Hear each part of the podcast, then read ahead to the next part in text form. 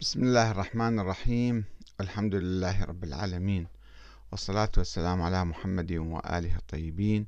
ثم السلام عليكم أيها الأخوة الكرام ورحمة الله وبركاته. أحد الأخوة الأعزاء الحريصين على الدين وعلى الإسلام وعلى التشيع خصوصا آه، كتب لي رسالة ينتقدني فيها ويقول لماذا تهاجم المرجعية الدينية دائما؟ والمرجعية هي حصن الشيعة والتشيع.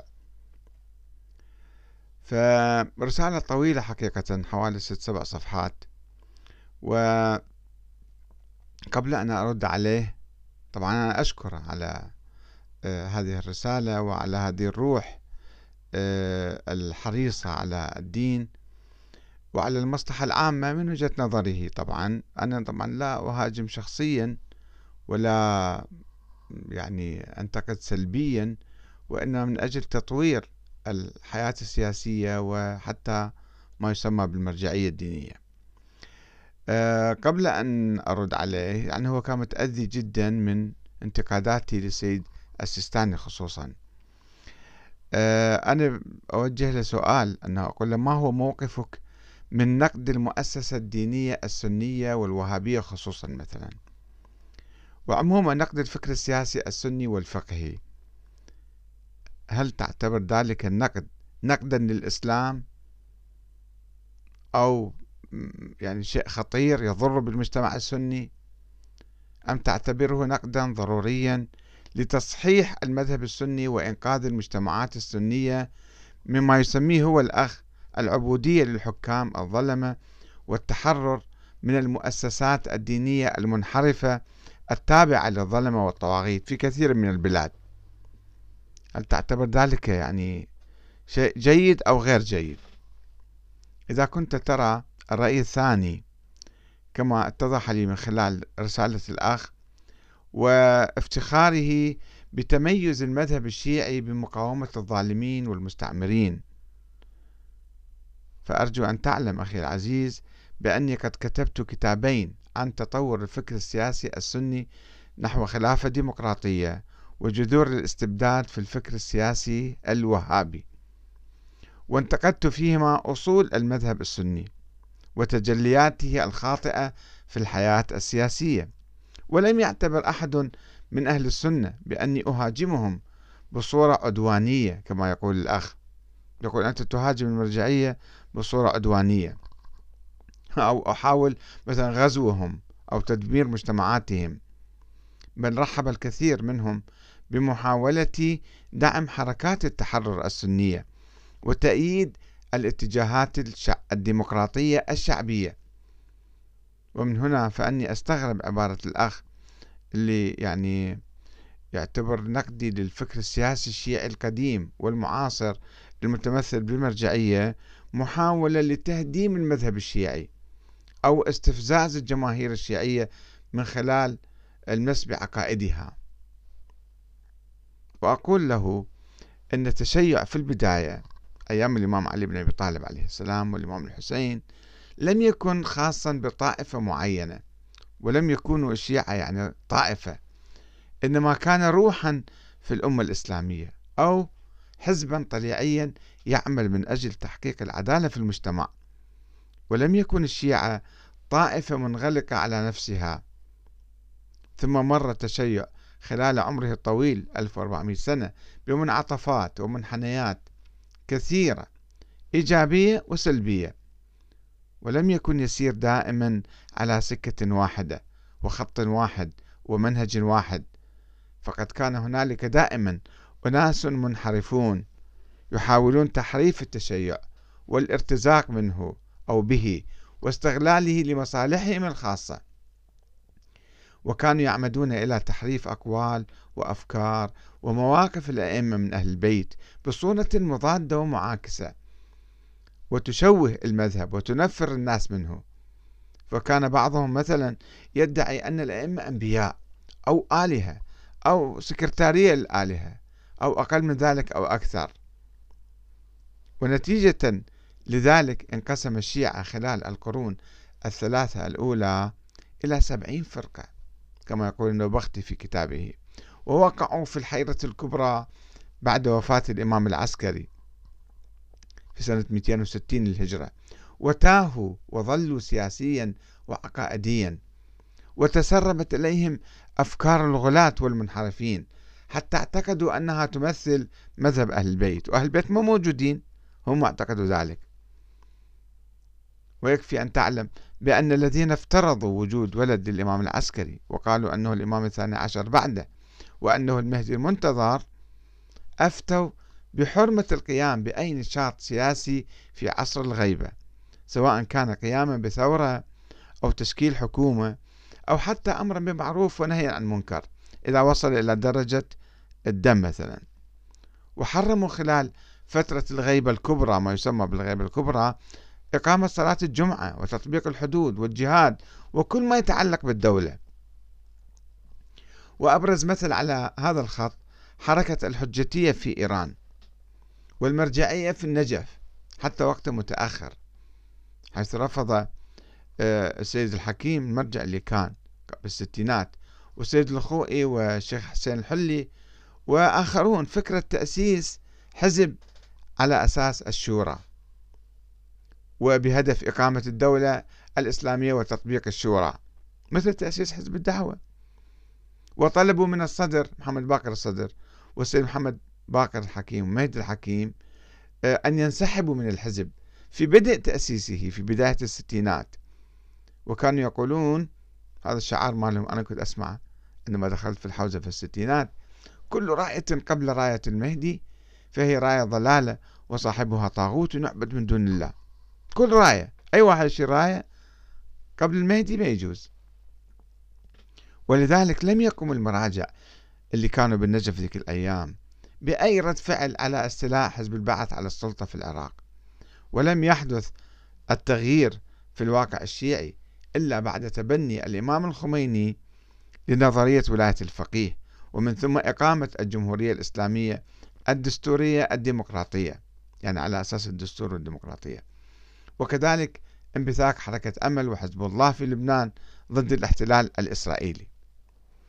إذا فإن الفكر السياسي المهيمن على الشيعة خلال ألف عام لم يكن دائما معبرا عن فكر أهل البيت وإنما كان اجتهادا خاطئا من مؤسسي المذهب الاثنى عشري البويهي. الذي أسسه البويهيون في القرن الرابع الهجري والذي ولد على أنقاض نظرية الإمام الإلهية لأنها توقفت بعد وفاة الإمام العسكري وبعد ما في إمام عند الشيعة. فانتهت وراحت فبعدين سووا المذهب الاثنى عشري على أنقاض تلك النظرية. وأن نظرية المرجعية الدينية لم تكن عند نشوئها على يد الشيخ المفيد والمرتضى والطوسي الذين فتحوا باب الاجتهاد كما هي عليه الآن. لم تكن كما هي عليه الآن. إذ أنها بدأت برواية الأحاديث فارجعوا فيها إلى رواة حديثنا. أحاديث فقط يروون. ثم تطورت إلى الاجتهاد. ثم قالت بنظرية الحسبة ثم بنظرية النيابة العامة ثم بولاية الفقيه. وأخيرا المرجعية قالت بالدستور والديمقراطية والجمهورية الإسلامية. ولم يكن أي تطور ليحدث بصورة عفوية وإنما بفعل الاجتهاد والمجتهدين ومراجعة أخطاء الماضي والانتقال إلى مرحلة جديدة متقدمة. كل هذا التطور كل تطور لم يكن يخلو من عنف وصراع كما حدث عند الانتقال من المرحلة الإخبارية إلى المرحلة الأصولية. ولولا حركة النقد والاجتهاد المتواصلة في العقل الشيعي وفي الثقافة الشيعية لم نكن نصل إلى المرحلة الجمهورية الديمقراطية والتخلي عن الأفكار المنحرفة والشروط المثالية التعجيزية المدمرة التي أصابت التشيع وأماتت الشيعة ألف عام وأدخلتهم في كهف أو ألقتهم في بئر. مثل شرط العصمة في الإمام رئيس الجمهورية يجب أن يكون معصوم. هذا كلام مو معقول. لازم الله ينص عليه. هو؟ نبي أو مو نبي. واحد يروح واحد يجي. كل يوم عندنا رئيس جمهورية.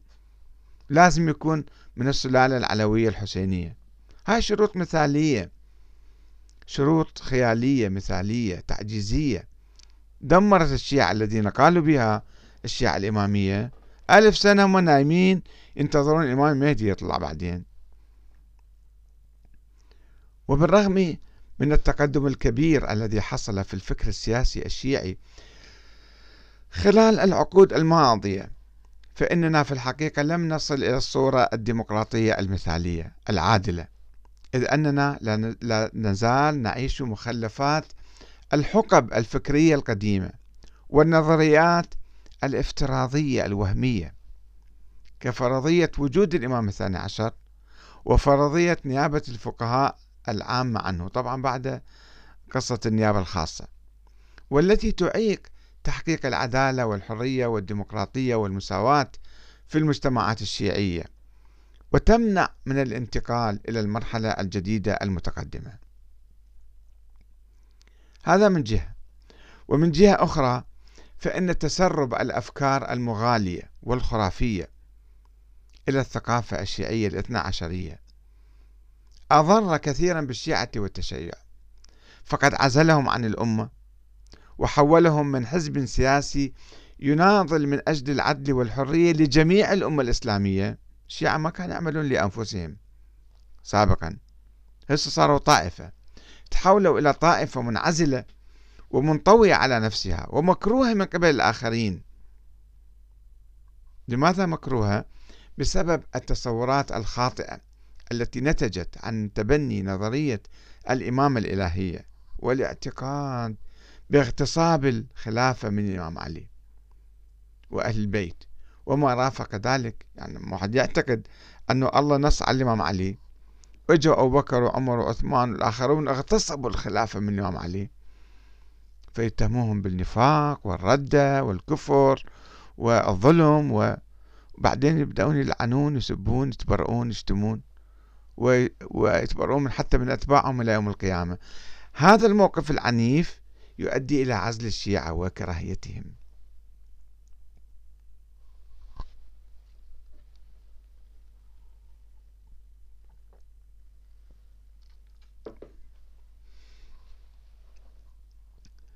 لقد فتحت عيني في الستينات على ثقافة طائفية تاريخية منغلقة.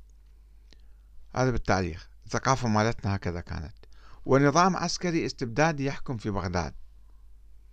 وحركة ثورية معارضة هي الحركة الرسالية المرجعية التي انتميت إليها والتي كانت تؤمن بنظرية ولاية الفقيه وتعمل من أجل إعادة بناء الحضارة الإسلامية هكذا كانت تقول. أه وتوحيد الأمة الإسلامية هذا كان أيضا شعار من شعاراتنا وهدف من أهدافنا. ولم تمضي عشر سنوات بعد تأسيس تلك الحركة حتى قامت الثورة الإسلامية في إيران. وبعثت روحا ثورية جديدة في كل العالم الشيعي والإسلامي عموما يعني. العفو. مما أدخل الفزع في قلوب كثير من الحكام المستبدين والمستعمرين فعملوا من أجل ضرب الثورة وحصرها وحصارها بشتى الوسائل والسبل. وقمع التيارات الديمقراطية والمقاومة في الأمة الإسلامية. ولم يكن غزو العراق من قبل أمريكا إلا نموذج واحد نموذجا واحدا من مخططات المستعمرين للهيمنة على المنطقة وتفتيتها. ولذلك فإن الأمة الإسلامية تحتاج إلى الوحدة والمقاومة وثقافة الحرية. ومع الأسف الشديد هناك في صفوف المرجعية أو في ظلها.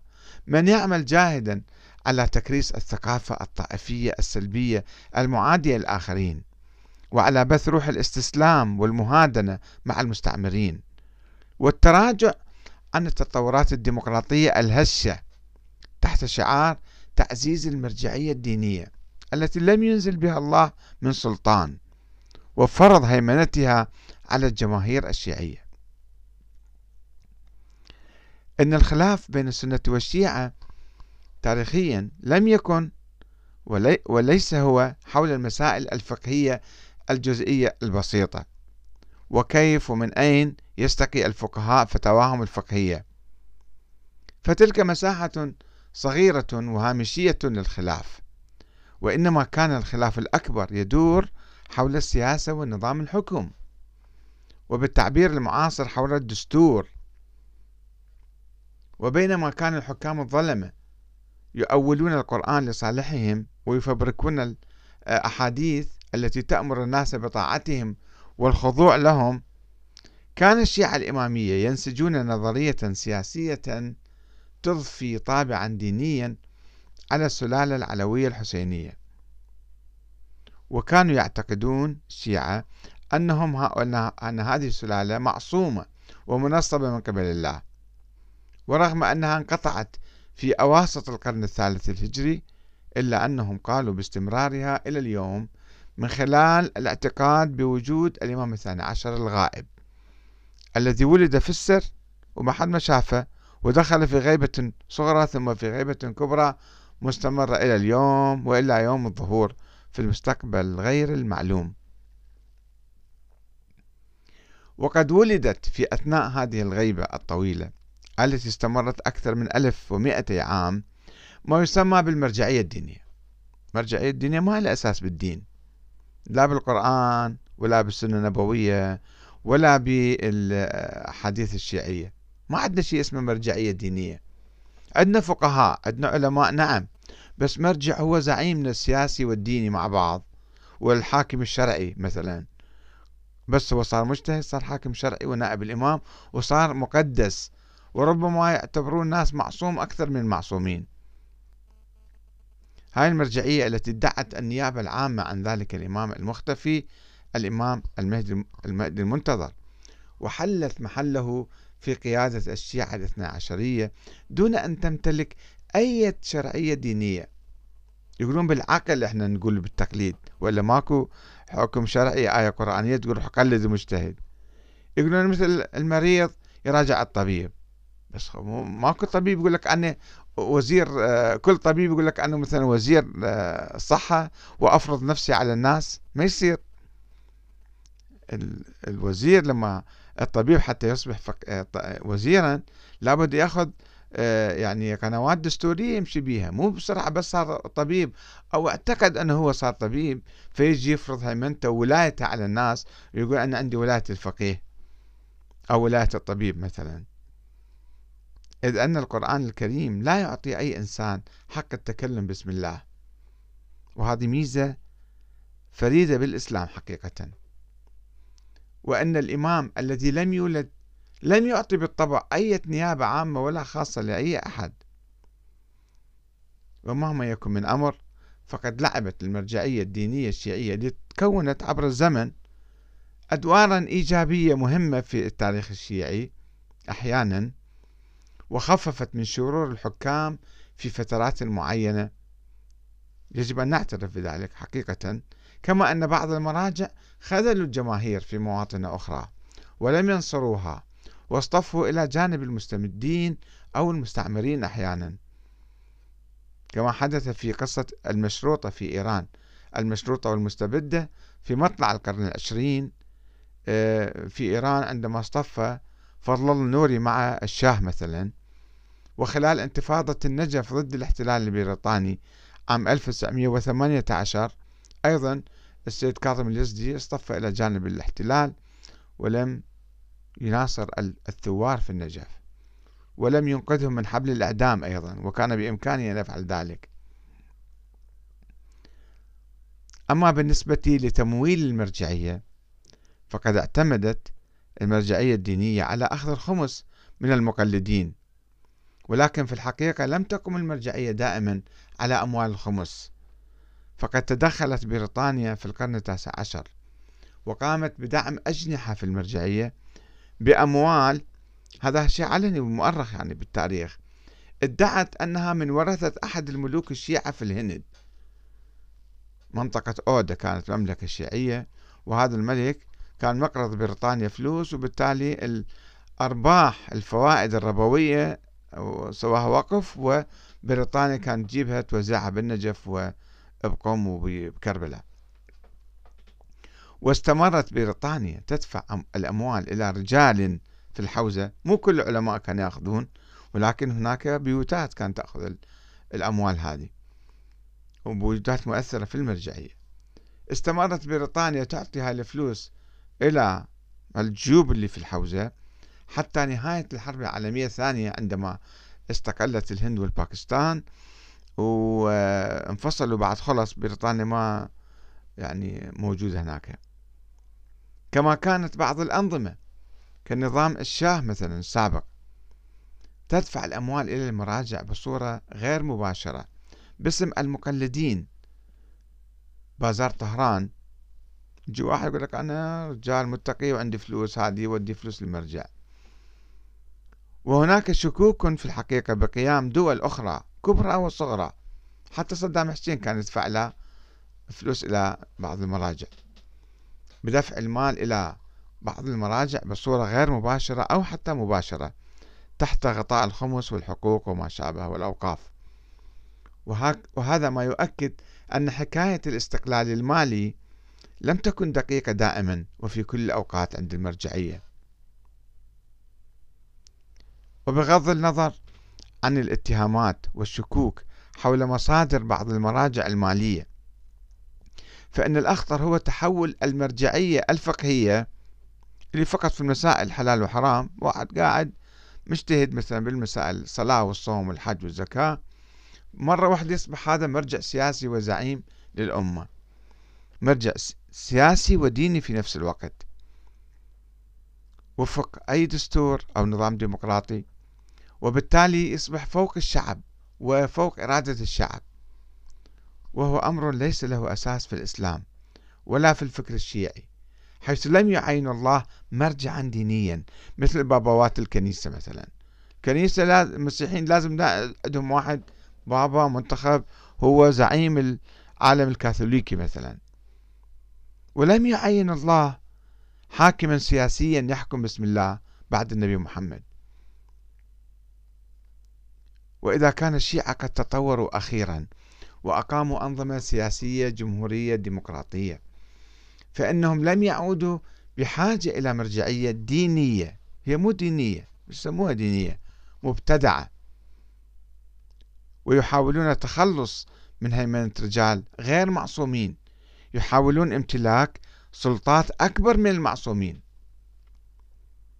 وإذا كان بعض الشيعة اليوم لم يستوعب حتى الآن التطور السياسي المهم الحاصل باتجاه الديمقراطية ولا يزال يتبع المرجعية ويقلدها ويخضع لها فليس لأنه يعرف أو يؤمن بأدلة شرعية كافية وإنما استصحابا لعادة التقليد السيئة التي كان يمارسها الناس منذ عقود أو قرون. ولكن هؤلاء الناس سيفهمون أحقية النظام الديمقراطي وأفضليته حتى شرعا على النظام المرجعي في المستقبل. يعني النواب أو الحكام أو القضاة أيضا ملتزمين بالدين ربما أكثر حتى ممن يلبس العمامة ويدعي الدين. أن التنظير للشورى أو الديمقراطية وإقامة نظام سياسي لا يتلفع بالدين ويدعي لنفسه العصمة والتحدث. بسم الله. هو أمر يهم عامة الناس. ولا ينبغي ولا يجوز حصر الحديث حوله في فئة خاصة نخبوية حتى لو كانوا من العلماء والفقهاء. هذا أمر عام يهم الناس لأن هؤلاء ما يسمى العلماء والفقهاء يستحيل أن يتقبلوا هكذا أفكار تسحب البساط من تحت أقدامهم. وتجردهم من أي شرعية دينية مزعومة. وقد جربت الحوار مع كثير منهم سرا وعلانية فرادى وجماعات ودعوتهم لبحث أساس نظرية الإمامة الإلهية ووجود الإمام الثاني عشر وولادته منذ بحثت معهم منذ ثلاثين عاما. ولكنهم لا يزالون يصرون على ما ورثوه تقليدا من دون أي مراجعة أو تفكير. ولا أقول أن بعضهم بادل دعوتي للحوار بالسب والشتم والاتهام والتهديد تطبيقا لحديث مكذوب على الإمام الصادق. يتشبثون به ويقرأوه على المنابر حقيقة وفي التلفزيونات أيضا. يقول بجواز الكذب والبهتان على أي واحد يعني يعارضهم. يرون هذا الحديث يسموه صحيحة داود بن سرحان في الكافي الجزء الثاني صفحة 375 عن الإمام الصادق أنه قال قال رسول الله إذا رأيتم أهل الريب والبدع من بعدي فأظهروا البراءة منهم وأكثروا من سبهم والقول فيهم والوقيعة وباهتوهم كي لا يطمعوا في الفساد في الإسلام ويحذرهم الناس ولا يتعلمون من بدعهم يكتب الله لكم بذلك الحسنات ويرفع لكم به الدرجات في الآخرة. المشكلة مو في هذا الحديث فقط في تطبيقه على أي رأي مخالف على أي نقد على أي معارض على أي واحد عنده فكر جديد وهذا من أهل البدع. يلا سبوا اشتموا اتهموه هذا ماسوني هذا عميل هذا جاسوس هذا بريطاني هذا ما أدري شنو أمريكي. يعني حتى يسقطوا أي واحد آخر ويدافعوا عن أنفسهم يستخدموا هالأحاديث هذه. هذا الأخ العزيز يفترض أن ما يوجد اليوم من ثقافة وتقاليد وطقوس في صفوف ما يسمى بالشيعة تمثل التشيع الحقيقي الذي كان على عهد الإمام أمير المؤمنين عليه السلام أو الإمام الحسين أو بقية الأئمة من أهل البيت. ولذلك يعتبر أي نقد لأي ظاهرة آه، سلبية فكرية أو سياسية أو طقسية يعتبر نقدا للمذهب الشيعي. وهذا غير صحيح فإن ما يوجد اليوم من خرافات وأساطير وبدع ونظريات سياسية وسلوكيات خاطئة آه، ونظريات بائدة أيضا لا علاقة له بالتشيع ولا بالإسلام. كما أن نقد التطرف والعنف لدى الحركات السلفية والوهابية لا يعني نقد الإسلام فليس كل فكر يوجد بين الناس يمثل الإسلام الصحيح أو مذهب أهل البيت السليم. والسلام عليكم ورحمة الله وبركاته.